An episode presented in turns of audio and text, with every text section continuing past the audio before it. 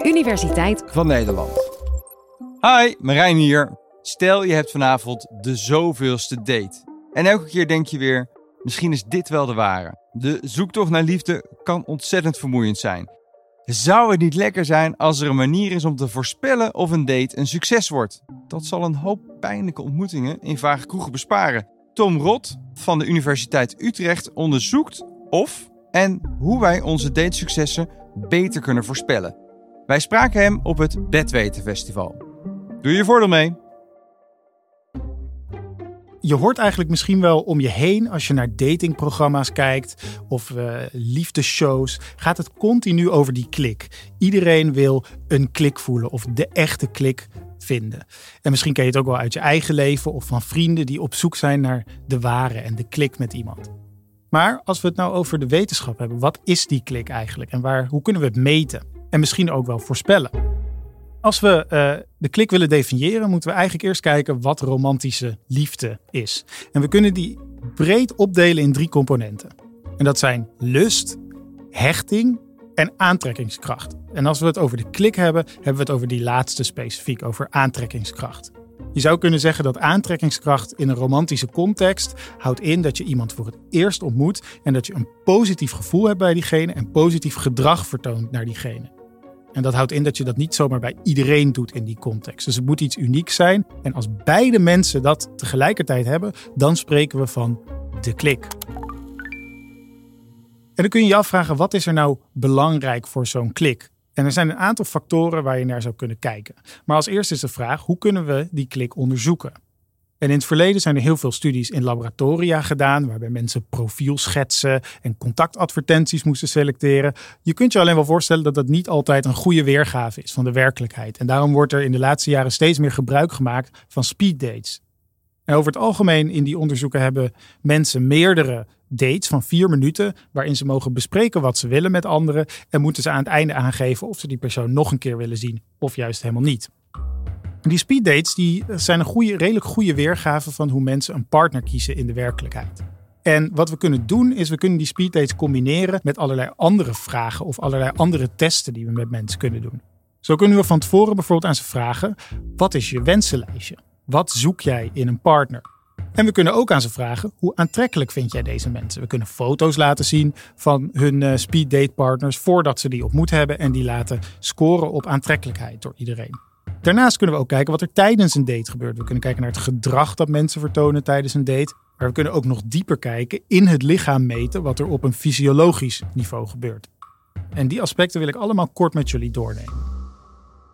Als eerste de wensenlijst. Misschien ken jij wel iemand die zo'n onmogelijke wensenlijst heeft voor een partner. En daardoor eigenlijk altijd na die eerste keer al zegt: ja, hij draagt te veel trainingsbroeken. Dus dat gaat hem niet worden. En dat is eigenlijk best zonde, omdat er onderzoek gedaan is naar hoe belangrijk die wensenlijst is voor een klik. En daar hebben ze data bekeken van meer dan 300 mensen die in totaal op een stuk of 1500 speeddates gingen. Maar ze hebben niet alleen die mensen op dates gestuurd, ze hebben die mensen ook allerlei vragenlijsten laten invullen over persoonlijkheid, interesses, normen en waarden voor zichzelf, dus hoe hun persoonlijkheid is, maar ook voor wat zij zoeken in een ideale partner. Vervolgens hebben ze al die data gecombineerd met de speeddates om te voorspellen wanneer de klik zou ontstaan. En wat bleek? Dat konden ze niet. Die wensenlijst die deed helemaal niks voor het voorspellen van de klik. Ze konden voorspellen wie populair was over het algemeen, maar ze konden niet uniek voorspellen welke twee mensen nou met elkaar een klik zouden voelen. Dus dat wensenlijstje lijkt niet zo heel goed te werken tijdens die eerste dates. Wat wel goed werkt, en dat blijkt uit bijna alle speeddate-studies, is aantrekkelijkheid. Als je mensen vraagt om een foto te scoren op aantrekkelijkheid en je stuurt ze vervolgens op speeddates met de mensen die ze gescoord hebben, gaan ze bijna unaniem, zowel mannen als vrouwen, dus niet alleen mannen wat je wel eens hoort, voor de mensen die ze aantrekkelijk vinden. Dus dat is los van wat er tijdens die date dan verder besproken wordt of wat de persoonlijkheid van die personen is. De aantrekkelijkheid is doorslaggevend tijdens die eerste interacties en is echt een eerste filter wat mensen gebruiken. Als je iemand niet aantrekkelijk vindt, komt er geen of nauwelijks een tweede kans. Ook al kan het nog zo'n leuk iemand zijn uiteindelijk, we geven het dan niet zo snel een kans. Kortom, van tevoren kunnen we met het wensenlijstje niet zo goed voorspellen of we iemand een goede match zouden vinden. En uh, als we kijken naar aantrekkelijkheidsscores, als mensen elkaar als aantrekkelijk beoordelen, is de kans vrij groot dat ze nog wel een keer een beschuitje met elkaar willen gaan eten. Maar wat kunnen we nou tijdens de date bekijken? We kunnen gaan kijken naar gedrag en dat vind ik als bioloog heel interessant, want dat kunnen we ook bij andere dieren doen.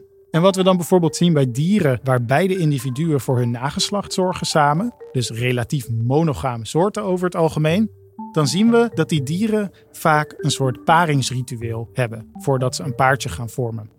Kan je bijvoorbeeld prachtig zien in het voorjaar bij futen. Als je door de stad fietst, die doen allerlei hele ingewikkelde bewegingen met hun nek. Echt een soort dans in het water. En dat idee is dat ze dat doen om een beetje af te tasten hoe goed hun gedrag gecoördineerd is met elkaar.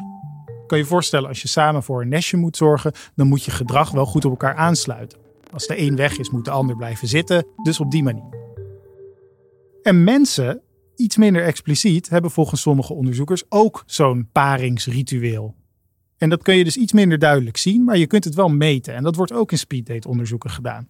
In een recent onderzoek kon je zien dat mensen, als ze hun lichaam gecoördineerd bewegen, dus als mijn beweging de bewegingen van mijn date voorspellen, dan is dat vaak een indicatie dat er sprake is van een goede klik tussen twee mensen. Waar je naar kan kijken is of mensen precies tegelijk dezelfde beweging maken. Dat noemen we ook wel spiegelen. Nou, dat is te kort door de bocht om te zeggen: spiegelen zorgt dat je een goede match hebt met iemand. Want je kan je voorstellen, voor sommige gedragingen werkt dat misschien wel. Maar als je bijvoorbeeld lachen gaat spiegelen, zit je de hele tijd tegelijkertijd te lachen. Dat is ook niet heel handig misschien. Dus dat verschilt per gedrag. En dat is niet zo makkelijk te zeggen van de ene keer uh, is het precies tegelijk en de andere keer moet het elkaar aanvullen.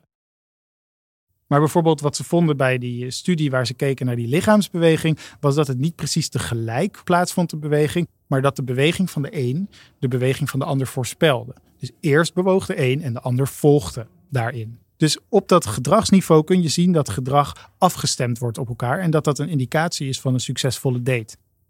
Maar we kunnen dus ook nog één stapje dieper gaan. En we kunnen dan gaan kijken wat er op fysiologisch niveau gebeurt. Zo kunnen we mensen op een speeddate sturen en aan hartslagapparatuur leggen om hun hartslag te meten. Dat hebben collega's in Leiden hebben dat bijvoorbeeld gedaan. En die vonden dat als tijdens een date de hartslag van mensen tegelijkertijd omhoog gaat of juist omlaag gaat, dat dat een voorspeller is van een klik. En als die harten dus tegelijk gaan kloppen, over het algemeen is er dan meer kans dat mensen een klik met elkaar voelen.